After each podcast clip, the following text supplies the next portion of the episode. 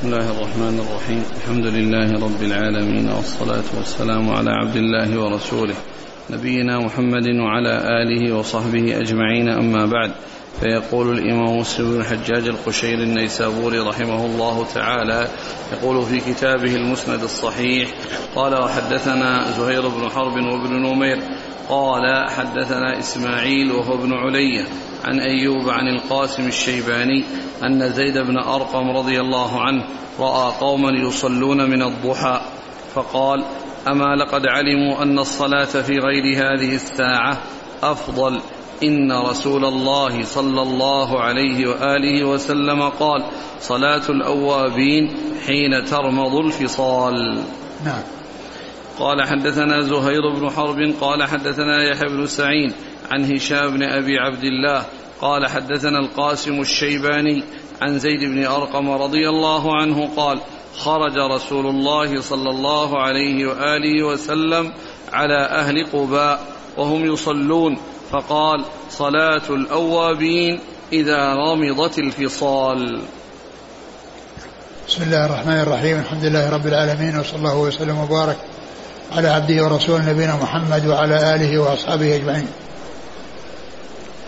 ما بعد هذا الحديث عن زيد بن أرقم رضي الله عنه من الطريقين التي ذكرها مسلم رحمه الله تتعلق بصلاة الضحى وببيان أفضل وقت تصلى فيه صلاة الضحى وهو شدة حرارة الشمس في شدة الحرارة.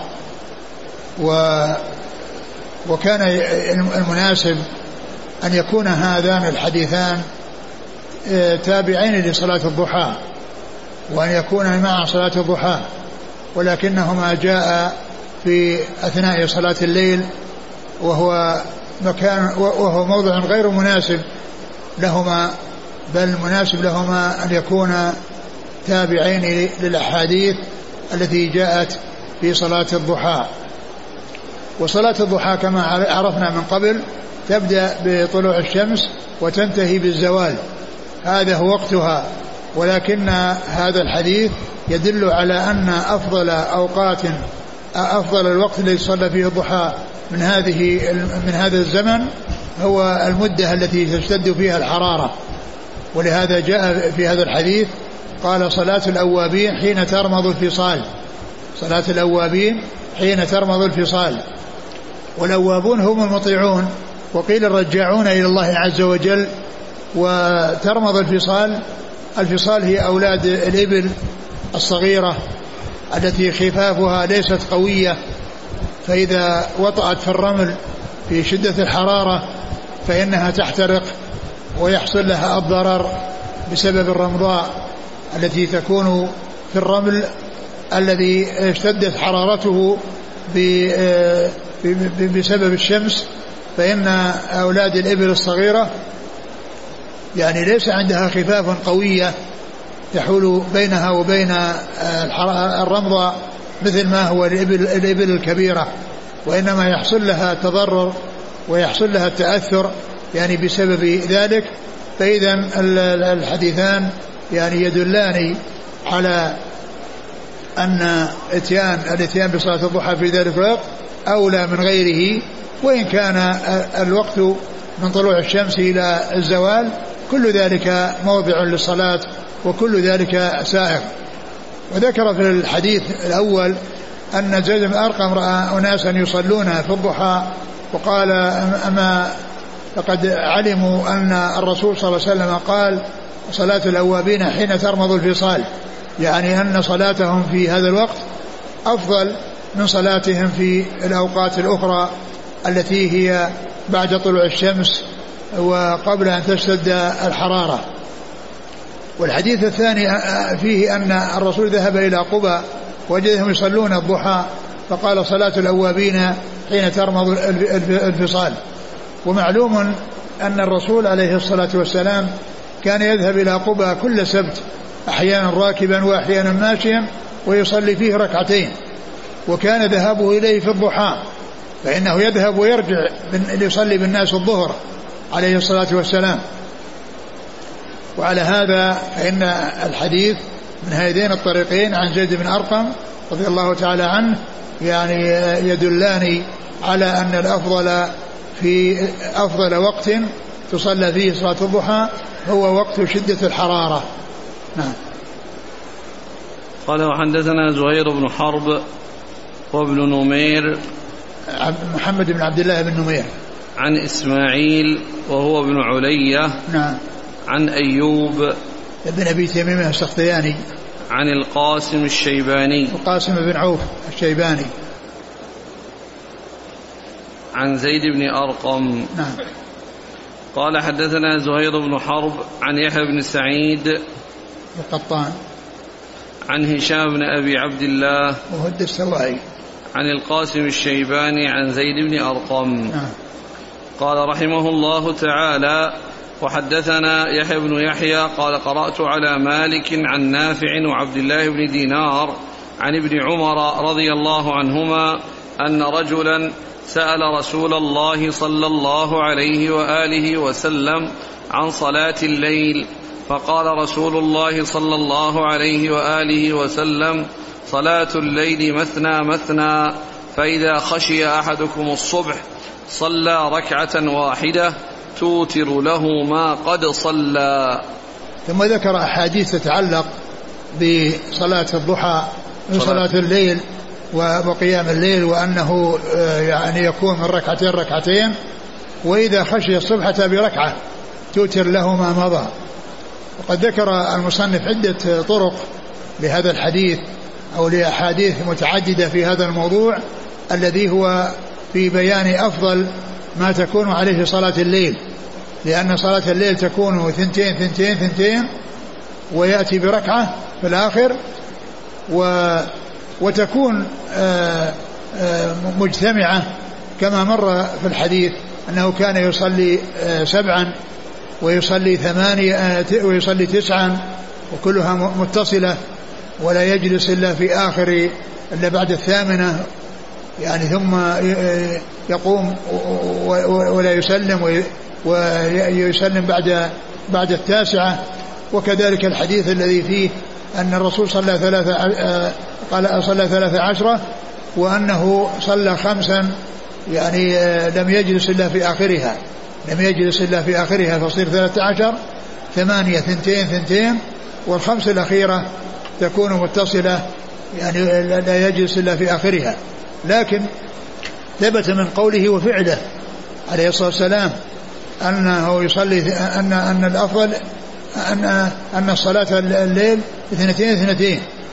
ففعله الأحاديث التي مرت عن عائشة وعن وكذلك الذي أشرت إليه عن ابن عباس رضي الله تعالى عنه عندما بات عند خالته ميمونة عندما بات عند خالته ميمونة و وكذلك هذه الأحاديث العديدة أنه سئل عن صلاة الليل فقال مثنى مثنى فإذا خشى أحدكم الصبح أتى بركعة توتر ما مضى. وهذا يدل على أن الصلاة صلاة الليل أمرها واسع وأنها لا لا تقف عند 11 ولا عند 13 وإنما يصلي الإنسان ما شاء ثنتين ثنتين حتى إذا خشي الصبح أتى بركعة توتر ما مضى. وهذا يبين لنا أن ما جاء في بعض الأحاديث عن الرسول صلى الله عليه وسلم أنه كان يصلي 11 ويصلي 13 ولم يزد على 13 يعني هذا الحديث يدل على أن الأمر في ذلك واسع وأن الرسول صلى الله عليه وسلم بهذا القول الذي قاله بين أن الإنسان يصلي ما شاء من الليل اثنتين اثنتين حتى إذا خشي الصبح أتى بركعة توتر ما مضى. وفيه بيان أن صلاة الوتر وصلاة الليل أنها تنتهي بطلوع الفجر. تنتهي بطلوع, بطلوع الفجر. وأما وقتها أي صلاة الليل فإنها تبدأ بعد صلاة العشاء. ولو كانت مجموعة إلى المغرب ولو كانت مجموعة مع المغرب. وأما الصلاة قبل المغرب فهذه صلاة في الليل ولكنها ليست صلاة قيام قيام قيام الليل.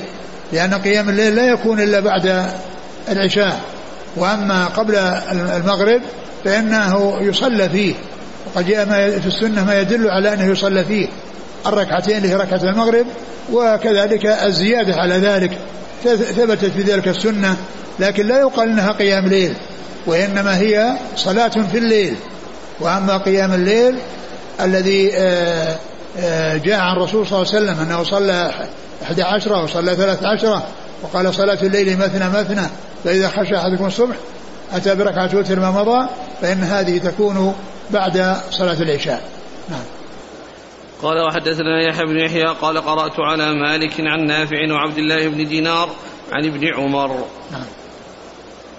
قال حدثنا أبو بكر بن أبي شيبة وعمر الناقد وزهير بن حرب قال زهير حدثنا سفيان بن عيينة عن الزهري عن سالم عن أبيه رضي الله عنه أنه سمع النبي صلى الله عليه وآله وسلم يقول حاء قال وحدثنا محمد بن عباد واللفظ له.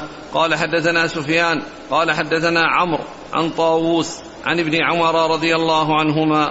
حاء قال وحدثنا الزهري عن سالم عن أبيه رضي الله عنه أن رجلا سأل النبي صلى الله عليه وآله وسلم عن صلاة الليل فقال مثنى مثنى فإذا خشيت الصبح فأوتر بركعة.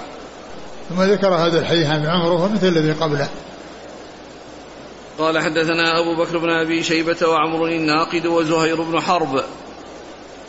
عن سفيان بن عيينة عن الزهري عن سالم عن أبيه. نعم. قال وحدثنا محمد بن عباد عن سفيان عن عمرو عمرو عمرو عمرو بن دينار, دينار. نعم. عن طاووس. بن كيسان. عن ابن عمر. نعم. قال وحدثنا الزهري عن سالم عن أبيه. نعم. قال وحدثني حرملة بن يحيى. قال حدثنا عبد الله بن وهب. قال أخبرني عمرو أن ابن شهاب حدثه أن سالم بن عبد الله بن عمر وحميد بن عبد الرحمن بن عوف حدثاه عن عبد الله بن عمر بن الخطاب رضي الله عنهما أنه قال قام رجل فقال يا رسول الله كيف صلاة الليل؟ قال رسول الله صلى الله عليه وآله وسلم صلاة الليل مثنى مثنى فإذا خفت الصبح فأوتر بواحدة. وهذا مثل ما تقدم. قال وحدثني حرملة بن يحيى عن عبد الله بن وهب عن عمرو عن ابن شهاب عمرو بن الحارث عن ابن شهاب عن سالم عن سالم وحميد بن عبد الرحمن بن عوف عن عبد الله بن عمر. قال وحدثني أبو الربيع الزهراني قال حدثنا حماد قال حدثنا أيوب وبديل. عن عبد الله بن شقيق عن عبد الله بن عمر رضي الله عنهما أن رجلا سأل النبي صلى الله عليه وآله وسلم وأنا بينه وبين السائل. فقال يا رسول الله كيف صلاة الليل؟ قال مثنى مثنى فإذا خشيت الصبح فصل ركعة واجعل آخر صلاتك وترا. ثم سأله رجل على رأس الحول وأنا بذلك المكان من رسول الله صلى الله عليه وآله وسلم فلا أدري هو ذلك الرجل أو رجل آخر. فقال له مثل ذلك. ثم ذكر هذا الحديث عن عمر وأن الرسول صلى الله عليه وسلم سأله رجل وكان بينه وبين رسول الله صلى الله عليه وسلم. وهذا يدل على ضبط الرواية لأن الراوي إذا ذكر الحديث وذكر شيئا يتعلق به يعني في مناسبة أو حالة معينة يصفها فهذا يدل على ضبطه. لأنه قال أن أنه سأل رجل وأنا واقف بينه وبين رسول الله صلى الله عليه وسلم. فهذا يعني ذكر هذا الوصف وهذه الهيئة يدل على ضبطه لأنه ضبط الحديث وضبط الهيئة التي كان عليها عند تحمل الحديث. فأجابه الرسول صلى الله عليه وسلم بأنها مثنى مثنى وإذا خشي الصبح بركعة توتر ما مضى. ثم قال بعد حول يعني بعد سنة يعني سئل سأله رجل وأنا بينه وبين رسول الله صلى الله عليه وسلم فلا أدري هل هذا السائل هو السائل الأول أو غيره فأجابه بمثل ما أجاب به. يعني الجواب الذي بعد حول مماثل للجواب الذي قبل حول. نعم. قال وحدثني أبو الربيع الزهراني هو سليمان بن داود. عن حماد بن زيد. عن أيوب بن أبي ثمامة السختياني. وبديل بن ميسرة. عن عبد الله بن شقيق عن عبد الله بن عمر. نعم. قال وحدثني أبو كامل قال حدثنا حماد قال حدثنا أيوب وبديل وعمران بن حدير. عن عبد الله بن شقيق عن ابن عمر رضي الله عنهما حاء قال وحدثنا محمد بن عبيد الغبري قال حدثنا حماد قال حدثنا أيوب والزبير بن الخريت.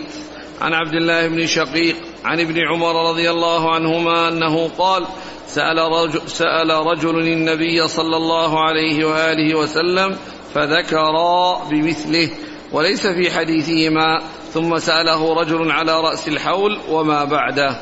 نعم. قال وحدثني أبو كامل. الفضيل بن حسين الجحدري. عن حماد عن أيوب وبديل وعمران بن حدير. عن عبد الله بن شقيق عن ابن عمر. نعم. ها قال وحدثنا محمد بن عبيد الغبري عن حماد عن أيوب والزبير بن الخريت عن عبد الله بن شقيق عن ابن عمر. نعم. قال وحدثنا هارون بن معروف وسريج بن يونس وأبو كريب جميعا عن ابن أبي زائدة. قال هارون حدثنا ابن أبي زائدة. قال أخبرني عاصم الأحول عن عبد الله بن شقيق عن ابن عمر أن النبي صلى الله عليه وآله وسلم قال بادروا الصبح بالوتر. ثم ذكر هذا الحديث عن ابن عمر وأن النبي صلى الله عليه وسلم قال بادروا الصبح بالوتر. يعني أنكم أدوا الوتر قبل طلوع الفجر وبادروا بالإتيان به حتى لا يطلع الفجر وأنتم لم تأتوا به. وهو يدل على أن الوتر إنما إنه ينتهي بطلوع الفجر. ينتهي بطلوع الفجر. وهذه الحديث العديدة تدل يعني التي فيها أن الرسول صلى الله عليه وسلم أمر بأن تكون آخر صلاة الليل وترا. يعني والحديث الذي سبق أن مر أنه كان إذا يعني بعد الوتر يصلي ركعتين وهو جالس يعني يدل ذلك على أن هذا في بعض الأحيان الذي هو صلاة جالس وأن هذا ليس سنة مضطردة. وأن الإنسان يفعل هذا الفعل بل الأكثر هو أنه لا يفعله وجاء ذلك من قوله وفعله. ويعني آه، كونه يعني آه، يأتي الحديث بفعله وليس في آخر ركعتين وهو جالس وكذلك من قوله في هذه الأحاديث التي فيها الأمر بجعل آخر آخر صلاة الليل يعني وترا وأنها تكون ثنتين ثنتين إلى أن آه، يخشى طلوع الفجر فيصليها. كل هذا يدل على أن ذلك حصل منه في بعض الأحيان وأنه لا يقال أن هذه سنة مضطردة وأن الإنسان يعني يفعلها وإنما إذا فعلها أحيانا كما فعل رسول الله صلى الله عليه وسلم يعني يدل ذلك على جواز على جوازها. وأما الذي عرف من قوله وفعله هو عدم آه عدم الاتيان بها. نعم. قال وحدثنا هارون بن معروف وسريج بن يونس وأبو كريب. محمد بن العلاء بن كريب. جميعا عن ابن أبي زائدة. يحيى بن زكريا بن أبي زائدة. عن عاصم الأحول. نعم. عن عبد الله بن شقيق عن ابن عمر. نعم. قال وحدثنا قتيبة بن سعيد. قال حدثنا ليث حاء قال وحدثنا ابن رمح قال أخبرنا الليث عن نافع أن ابن عمر رضي الله عنهما قال من صلى من الليل فليجعل آخر صلاته وترا فإن رسول الله صلى الله عليه وآله وسلم كان يأمر بذلك. نعم. قال حدثنا قتيبة بن سعيد عن ليث. بن سعد. قال وحدثنا ابن رمح. محمد بن رمح. عن الليث عن نافع عن ابن عمر. نعم. قال وحدثنا أبو بكر بن أبي شيبة قال حدثنا أبو أسامة حاء قال وحدثنا ابن نمير قال حدثنا أبي حاء قال وحدثني زهير بن حرب وابن المثنى قال حدثنا يحيى كلهم عن عبيد الله عن نافع عن ابن عمر عن النبي صلى الله عليه وآله وسلم أنه قال اجعلوا آخر صلاتكم بالليل وترا. نعم. قال وحدثنا أبو بكر بن أبي شيبة عن أبي أسامة. حماد بن أسامة. حا قال وحدثنا ابن نمير عن أبيه. ابن نمير محمد بن عبد الله. حا قال وحدثني زهير بن حرب وابن المثنى محمد بن المثنى. عن يحيى بن سعيد القطان. كلهم عن عبيد الله عن نافع عن ابن عمر. نعم. قال وحدثني هارون بن عبد الله قال حدثنا حجاج بن محمد قال قال ابن جريج أخبرني نافع أن ابن عمر رضي الله عنهما كان يقول من صل كان يقول من صلى من الليل فليجعل آخر صلاته وترا قبل الصبح. كذلك كان رسول الله صلى الله عليه وآله وسلم يأمرهم. نعم. قال وحدثني هارون بن عبد الله عن حجاج بن محمد عن ابن جريج. عبد الملك بن عبد العزيز بن جريج.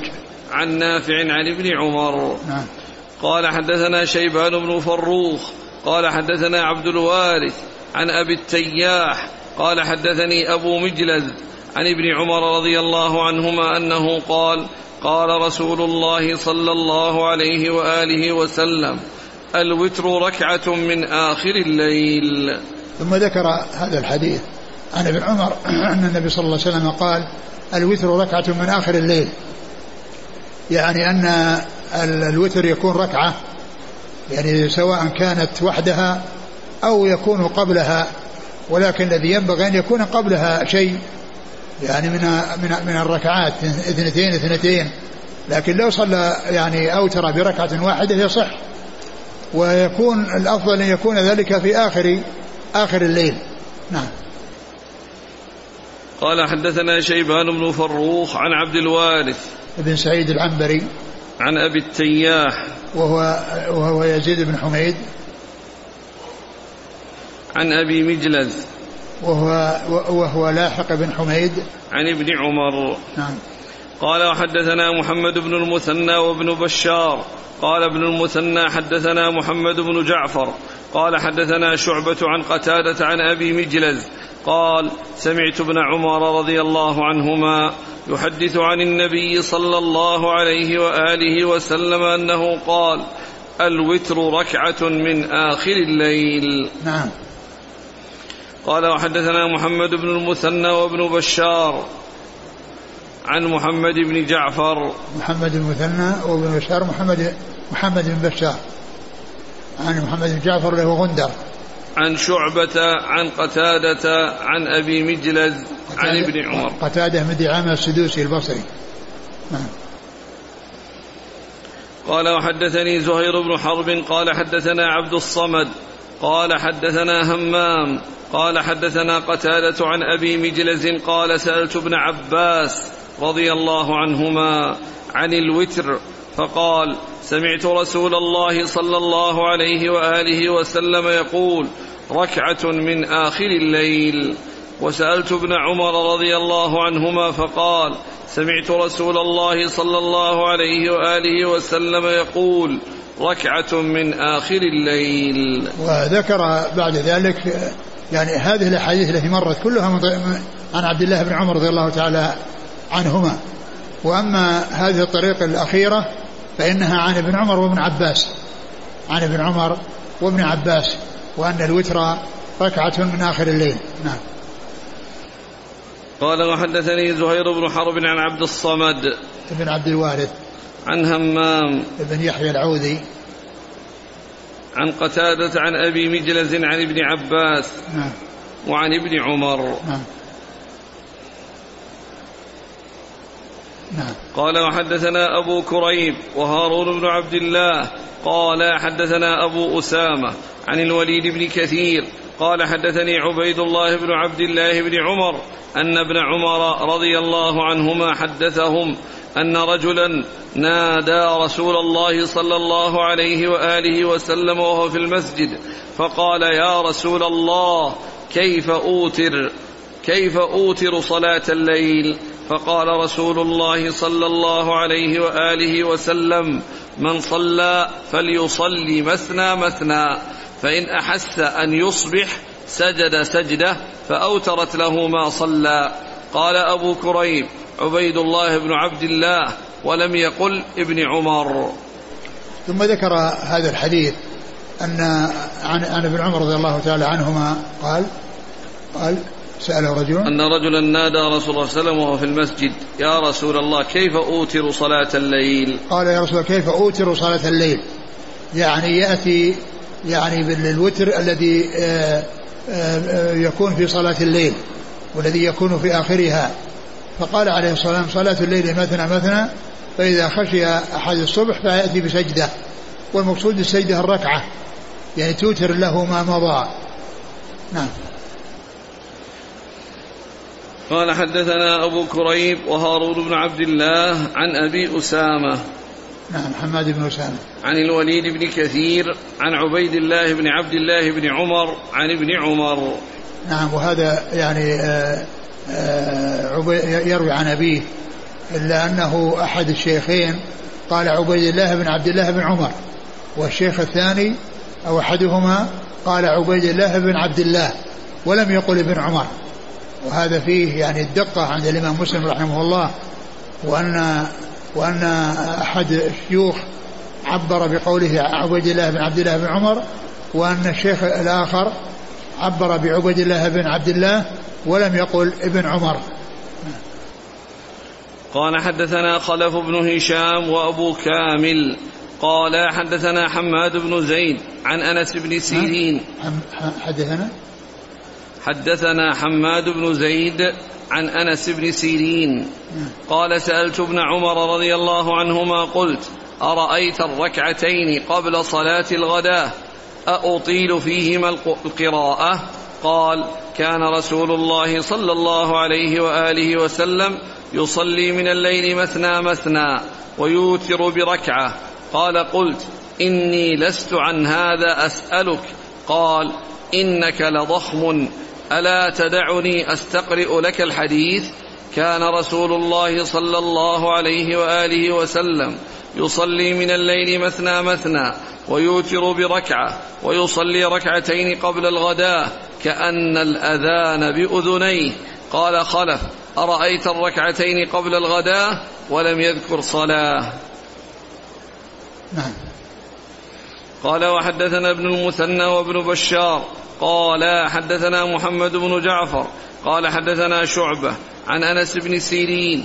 قال سألت ابن عمر بمثله وزاد ويوتر بركعة من آخر الليل وفيه فقال به به إنك لضخم.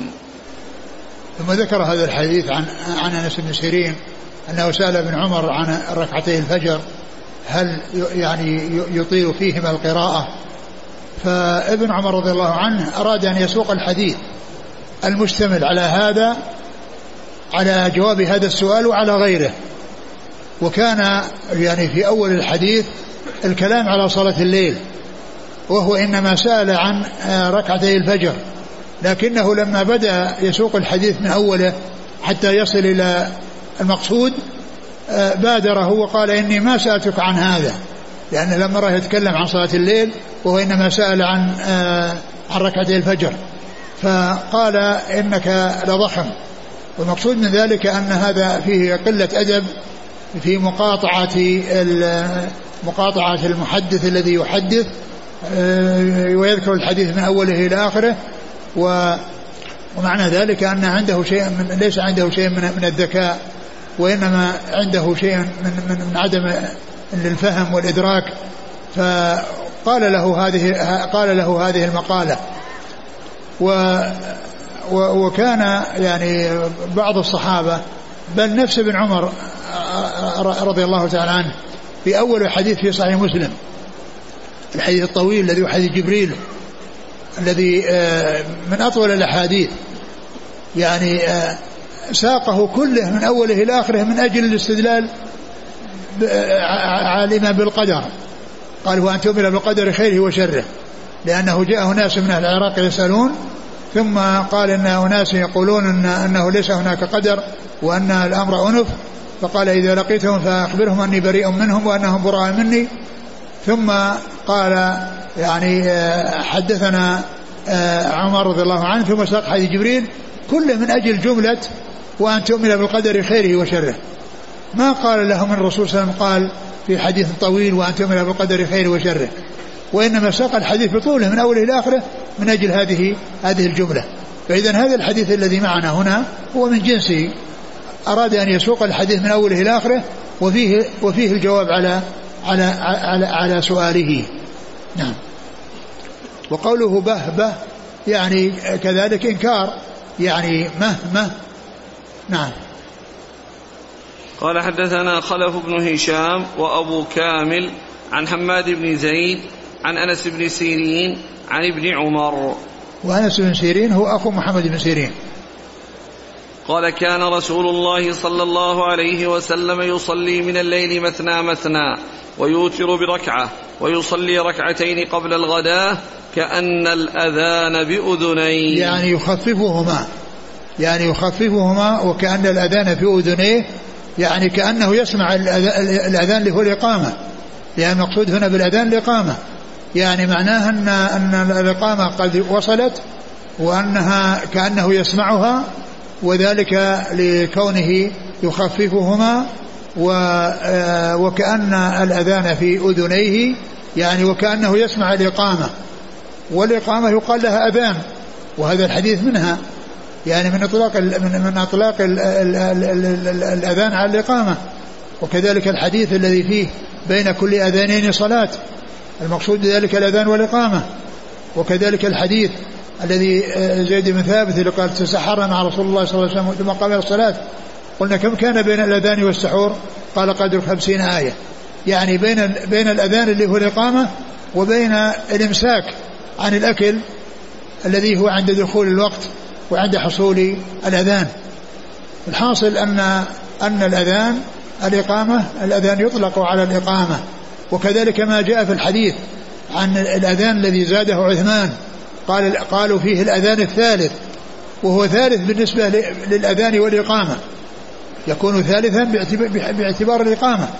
فإذا الإقامة يطلق عليها أذان كما يطلق على الأذان يعني الذي هو النداء الناس من خارج المسجد فكل ذلك يقال له أذان. نعم.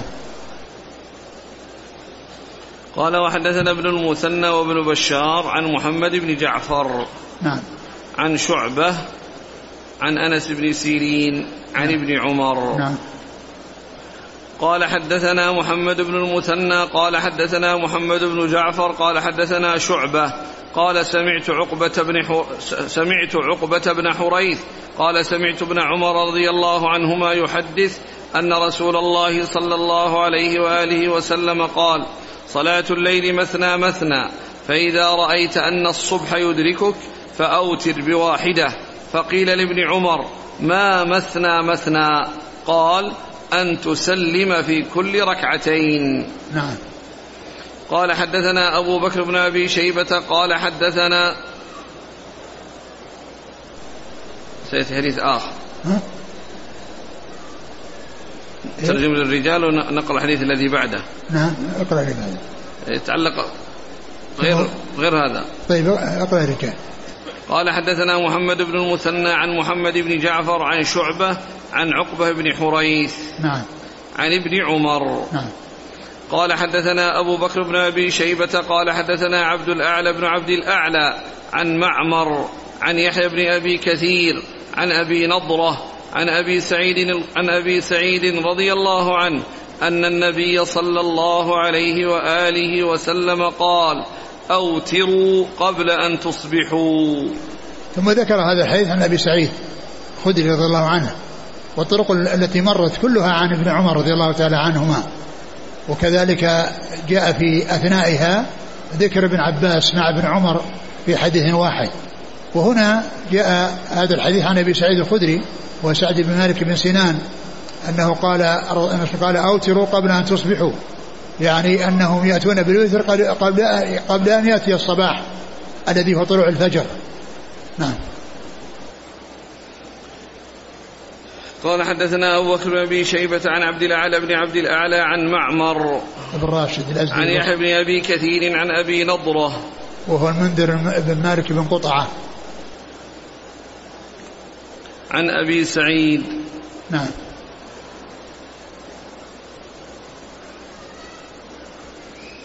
قال عن أبي س... قال وحدثني إسحاق بن منصور قال أخبرني عبيد الله عن شيبان عن يحيى قال أخبرني أبو نضرة العواقي أن أبا سعيد رضي الله عنه أخبرهم أنهم سألوا النبي صلى الله عليه وسلم عن الوتر فقال أوتروا قبل الصبح. وهذا مثل الذي قبله. قال وحدثني إسحاق بن منصور عن عبيد الله. عبيد الله بن موسى. عن شيبان. بن معاوية بن عبد الرحمن. عن يحيى. عن ابي عن أبي سلمة. عن أبي نضرة العواقي. عن يحيى. نادي هو ابن أبي كثير ولا الأنصاري؟ ابن أبي كثير. نعم. عن أبي نضرة العواقي عن أبي سعيد. نعم.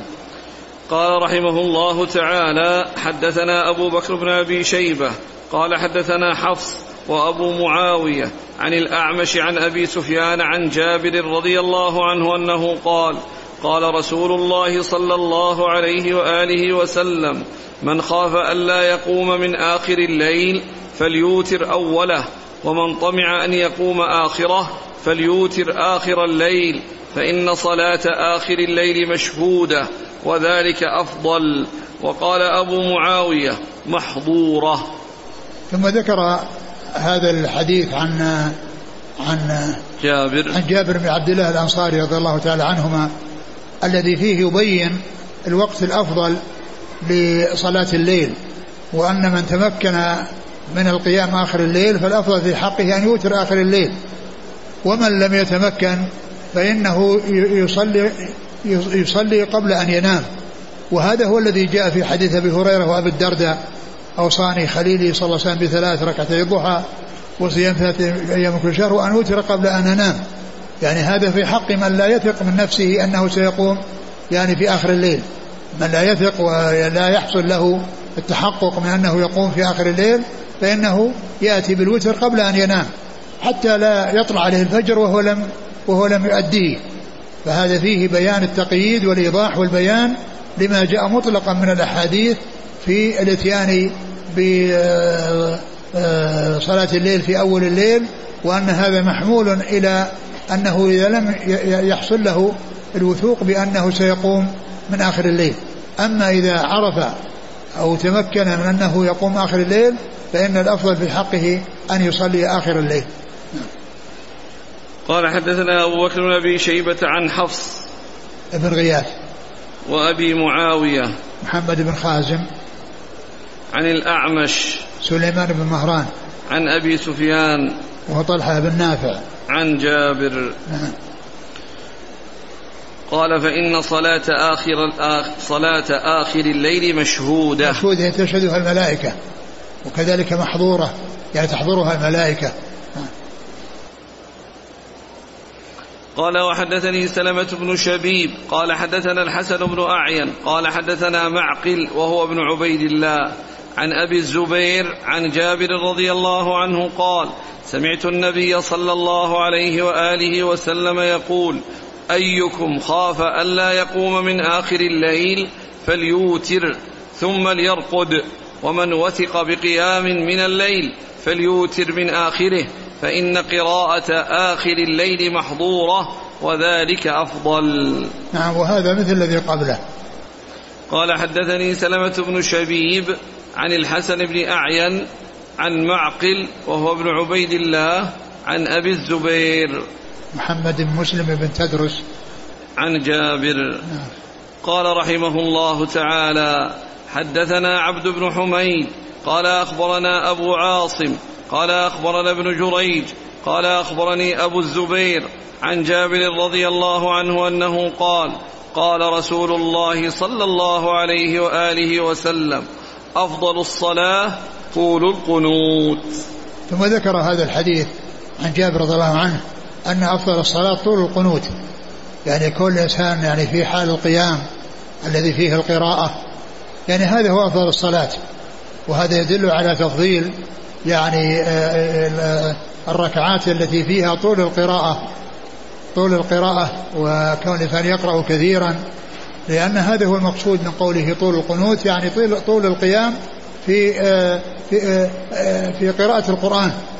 يعني كونه يطيل القيام يقرأ القرآن هذا هو أفضل الصلاة. نعم. قال حدثنا عبد بن حميد عن أبي عاصم. وهو ضحاك المخلد النبيل.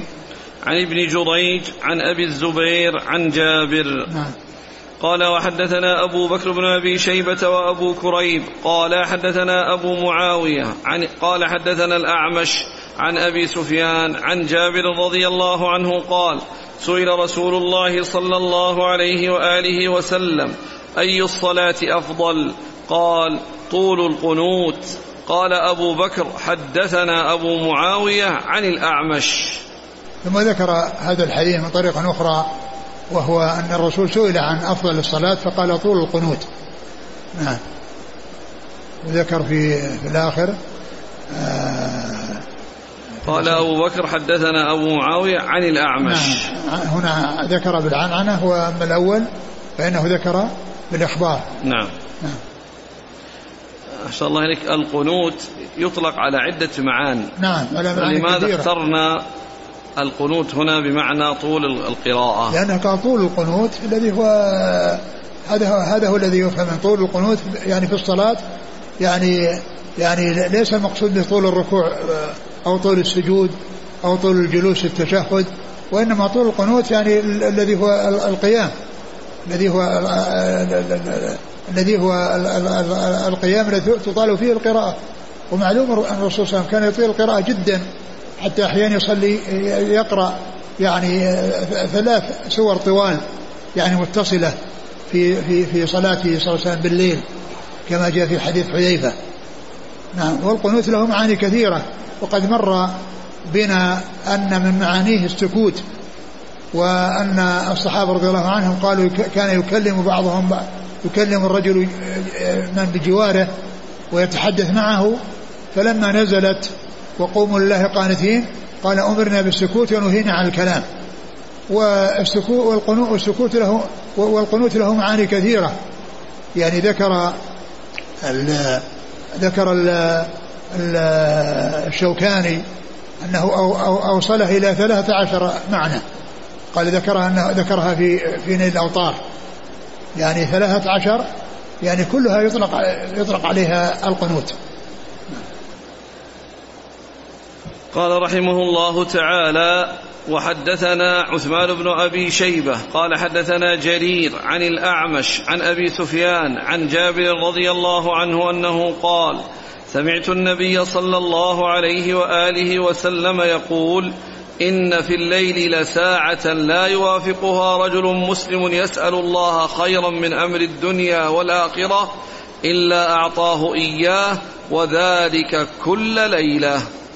ثم ذكر هذا الحديث عن جابر رضي الله عنه أنه سمع النبي صلى الله عليه وسلم يقول في إن في الليل ساعة لا يوافقها عبد يسأل الله شيئا إلا أعطاه إياه وذلك كل ليلة. يعني في جميع الليالي ليست ليلة من الشهر أو ليلة من السنة وإنما هي في كل ليلة. ويعني هذا أيضا فيه ذكر الإطلاق يعني فيها وان وأنها يعني تكون في الليل ومعلوم أن الليل يعني آه الذي تكون فيه صلاة الليل وقيام الليل إنما هو بعد العشاء إلى طلوع الفجر.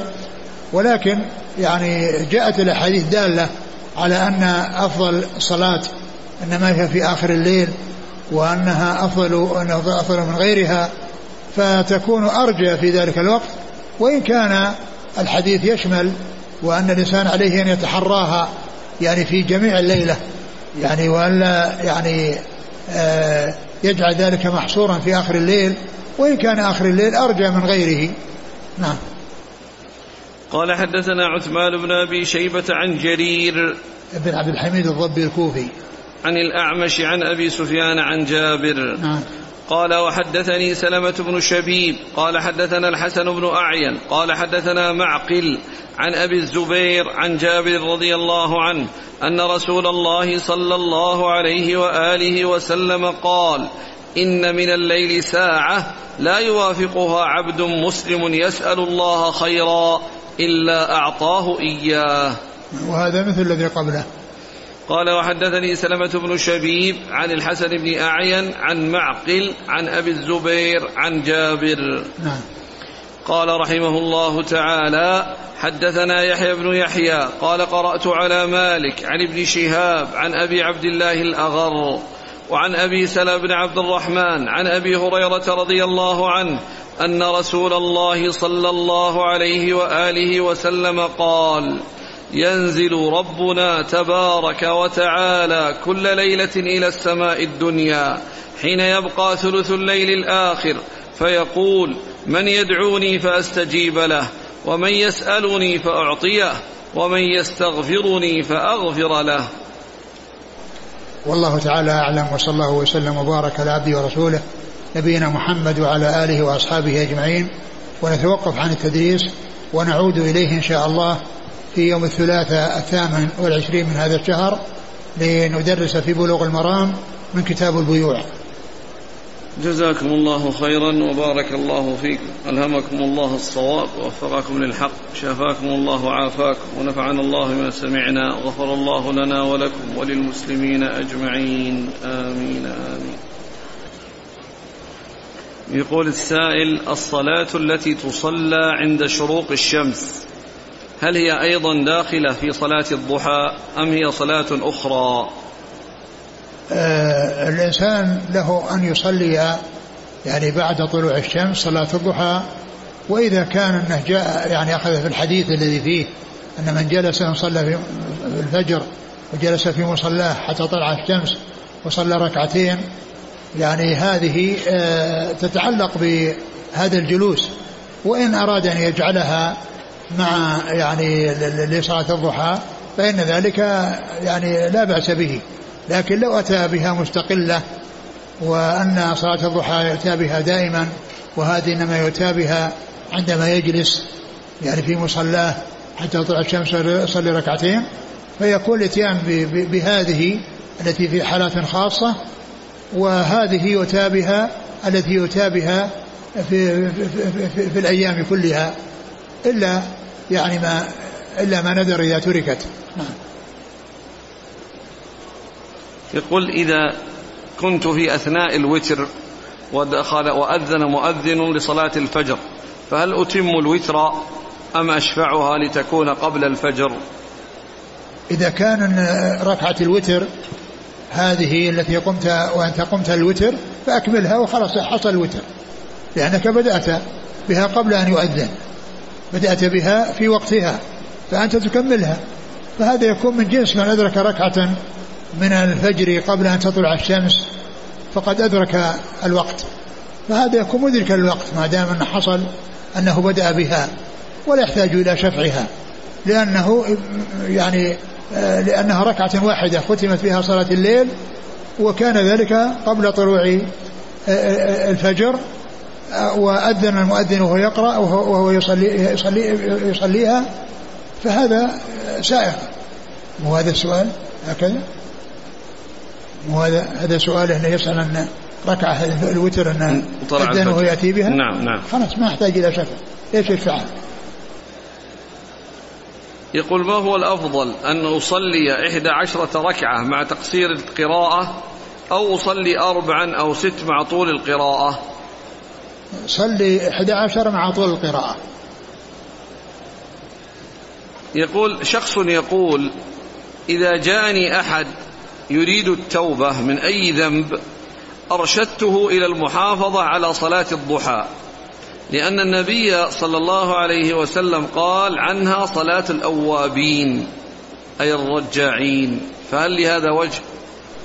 آه معلوم أن أن الإنسان عندما يسأل يعني يأتي يسعى التوبة يحث عليها ويرغب فيها ويبين له الأحاديث التي وردت يعني في آه في آه توبة الله عز وجل وكذلك ما جاء في الآيات. ولو أرشد إلى أن يصلي ركعتين اللي جاءت في الحديث فهذا هو هو, هو, هو الأولى. يعني أنه يأتي بركعتين وأن يصلي بركعتين الذي جاءت في الحديث الذي في مسند الإمام أحمد وهو ثاني حديث في مسند الإمام أحمد هو الحديث الثاني لأنه من حديث أبي بكر وأبو بكر هو الذي بدأ بأحاديث في المسند وأول حديث عنده أي في المسند آه، حديث أبي بكر المتعلق ب يعني يا أيها الذين آمنوا عليكم أنفسكم لا يضركم لا يا أيها يا أيها الذين آمنوا لا لا. يا أيها يا أيها الذين عليكم أنفسكم. عليكم أنفسكم لا يضرهم من الله إذا اهتديتم. هذا أول حديث من المسند. والحديث الثاني هو حديث التوبة. عن أبي بكر رضي الله عنه. فهذا هو الذي ينبغي أن يرشد إليه. يقول أنا إمام مسجد وأصلي في رمضان التراويح إحدى عشرة ركعة. وفي العشر الأواخر أصلي إحدى عشرة ركعة وقبل الفجر أصلي ثمان ركعات. فهل هذا يعد تهجدا؟ يعد كل صلاة ليل. وللإنسان للإنسان يأتي بصلاة الليل كلها يعني بعد في أول الليل يعني بعد العشاء وله أن يجعل يعني جزءا منها في أول الليل وجزءا منها في آخره. لا بأس بذلك.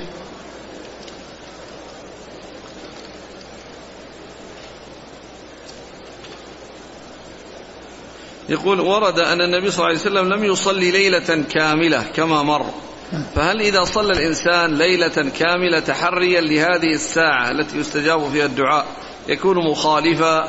الساعة تتحرى بدون صلاة. هذه الصلاة التي يتحرها الإنسان بدون صلاة. يعني مو معناه أنه يعني لازم أنه كان يصلي من أول الليل إلى آخره ما يجي أنه يدركها. الإنسان لا يفعل كما فعل رسول الله صلى الله عليه وسلم. الرسول ما ما ما صلى الليل كاملا. ولا صام شهرا ولا صام شهرا كاملا إلا رمضان. نعم. يقول ما رأيكم رعاكم الله فيما يسمى اليوم بصلاة التهجد بعد صلاة التراويح آخر الليل؟ فإنه دائما يكثر الخلاف في ذلك. أنا أجبت على هذا. السؤال الذي قبل هذا قلت الإنسان يعني يأتي بصلاة الليل وإن شاء جعل في أول في بعضها في أول وبعضها في الآخر. والرسول عليه الصلاة والسلام كان يعني يخص العشر الأواخر بمزيد يعني عناية. ولهذا جاء كان يدخل عشر يعني جد وشد المئزر وأيقظ أهله. وهذا يدل على يعني تمييزها يعني بالعبادة. ويمكن أن يكون ذلك بالركعات الطويلة ويعني جعلها يعني بعضها في أول ليل وبعضها في آخر ليل أو كلها في أول ليل الأمر في ذلك واسع. كل ذلك داخل تحت تحت قيام الليل سواء في أوله أو في آخره يقول كيف يصلي الإنسان من آخر الليل إذا كان قد أوتر أول الليل؟ إذا أوتر أول الليل لأنه ليس يعني يخشى أن لا يقوم ثم قام فيصلي ما شاء ولكن لا يوتر مرة ثانية. لا يوتر مرة ثانية. لأن النبي صلى الله عليه وسلم قال لا وتران في ليلة ولكن كونه استيقظ وقد أوتر وأراد أن يصلي يصلي. ويدل على جواز ذلك صلاة الركعتين اللي, اللي, اللي بعد الوتر التي كان يفعلها رسول الله وهو جالس. هذا يدل على جواز ذلك. هل هناك صلاة تسمى بصلاة التسابيح؟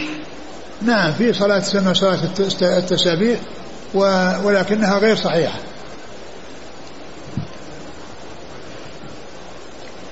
ما حكم الذهاب إلى مسجد قباء لأداء ركعتين في أوقات النهي؟ ما ينبغي الإنسان يذهب إلى قباء من أجل يصلي في وقت النهي وإنما يذهب إليه في وقت ليس فيه نهي. والرسول صلى الله عليه وسلم كان يذهب إليه في الضحى. يسأل عن حكم الإحرام والطواف وهو قد لبس الكمامة على أنفه.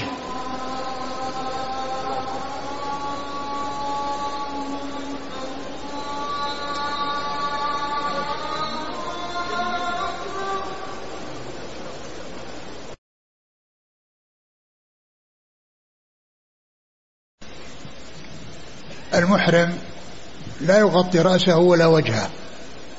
وإذا احتاج إلى الكمامة هذه تكون على الوجه وعلى الأنف فيستعملها ولكن عليه الفدية وهو مخير بين ثلاثة أشياء ذبح شاة أو إطعام ستة مساكين لكل مسكين نصف صاع أو صيام ثلاثة أيام.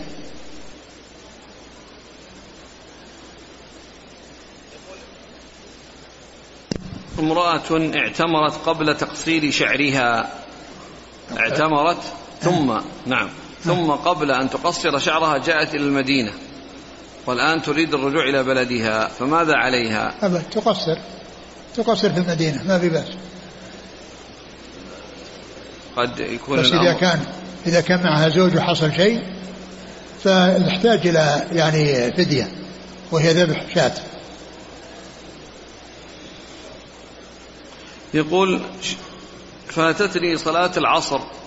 ولم أتذكر إلا بعدما شرع الإمام في صلاة العشاء. إيش السؤال؟ فهل أق... فاتتني صلاة العصر. نعم ولم أتذكر إلا بعدما شرع الإمام في صلاة العشاء. هل أقدم العصر على العشاء وأصلي العشاء ثم العصر؟ إذا كان أنه يعني ما مضى من الصلاة شيء فإنه يدخل معه بنية العصر. يدخل معه بنية العصر. وإذا انتهى من العشاء يصلي صلاة العشاء.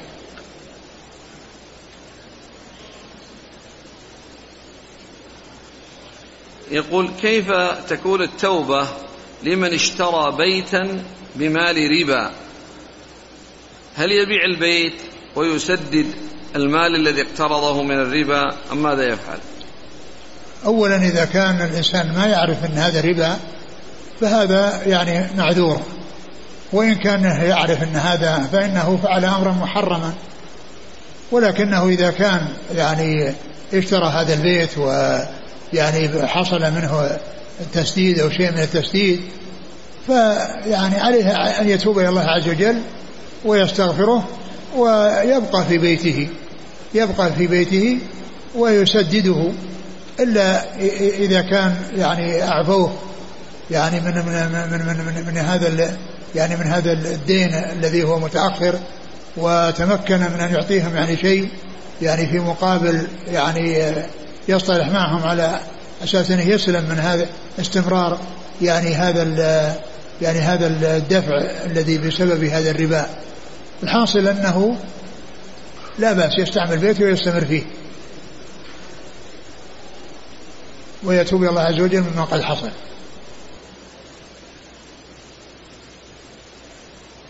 يقول هل يمكن أن يصلي الإنسان دائما الوتر ثلاث ركعات بتسليم واحد حيث كان حيث أن هذا هو المعروف عند قومي؟ وإذا صليت بهم الوتر بتسليمتين ستكون فتنة أو نزاع.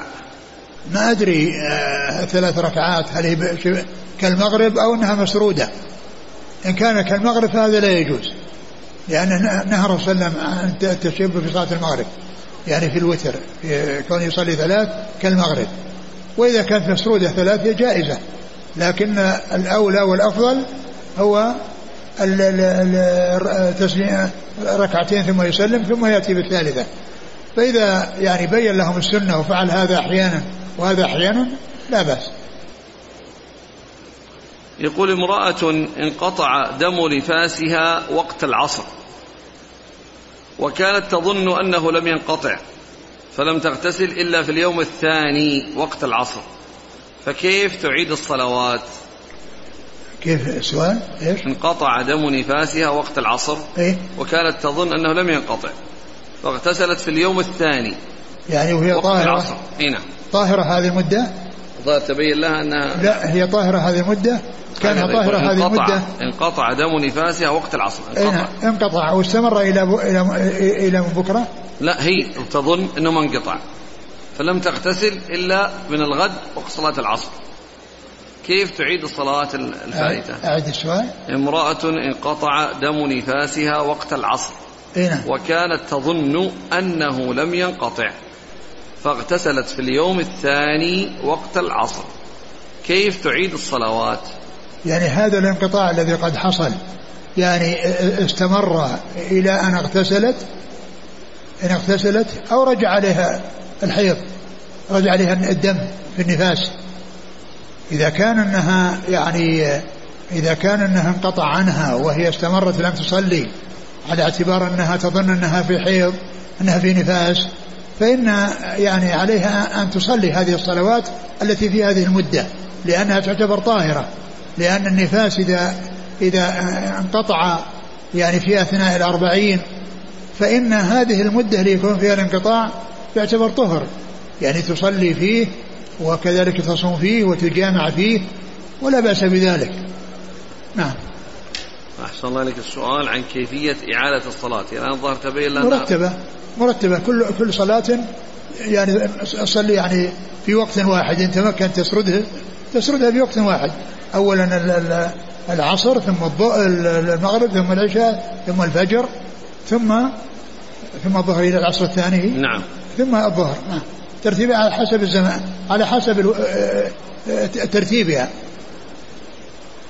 يقول أحسن الله إليكم التحلق يوم الجمعة ما حكمه؟ هل إذا كانت الحلقة بعد صلاة الفجر أو إنما ذلك قبل الخطبة؟ التحلق هو الذي يأتي الإنسان لصلاة الجمعة يأتي لصلاة الجمعة ثم يعني يحصل التحلق يعني قبل الجمعة. هذا هو الذي جاء النهي فيه. وأما كل إنسان يصلي الفجر ثم يعني يصير فيه درس ثم يذهب إلى البيت ويغتسل ويأتي فهذا لا يعتبر تحلقا قبل الجمعة. يقول الحاكم المشرع للقوانين الوضعية سواء اعتقد أو لم يعتقد هل يمكن أن يسمى طاغوتا؟ إذا كان يعني أتى يعني جاء بشريعة يعني الشريعة نسميه موجودة وجاء وأبدلها وأتى ب يعني ب بشريعة الشريعة الباطلة بدلا منها فهذا لا شك أنه طاغوت. يقول نحن في السويد في بلدنا لا نسمع الأذان فكيف يعرف الإنسان أن صلاة الجماعة تجب عليه؟ هل هناك مسافة معينة يعرف بها الوجوب؟ مسافة. في مساجد يعني يؤذن فيها. إذا كان في مساجد يؤذن فيها وتسمع الأذان اذهبوا. وإذا كان ما في مساجد أو أنكم يعني مسجد بعيدة اعملوا على إيجاد مسجدا في في منطقتكم أو في المحلة التي أنتم فيها وتصلون الجماعة. ثم أيضا يعني ال ال الناس يعني يحرصون على يعني معرفة الأوقات وعلى التحري الوقت ومعرفة وصوله.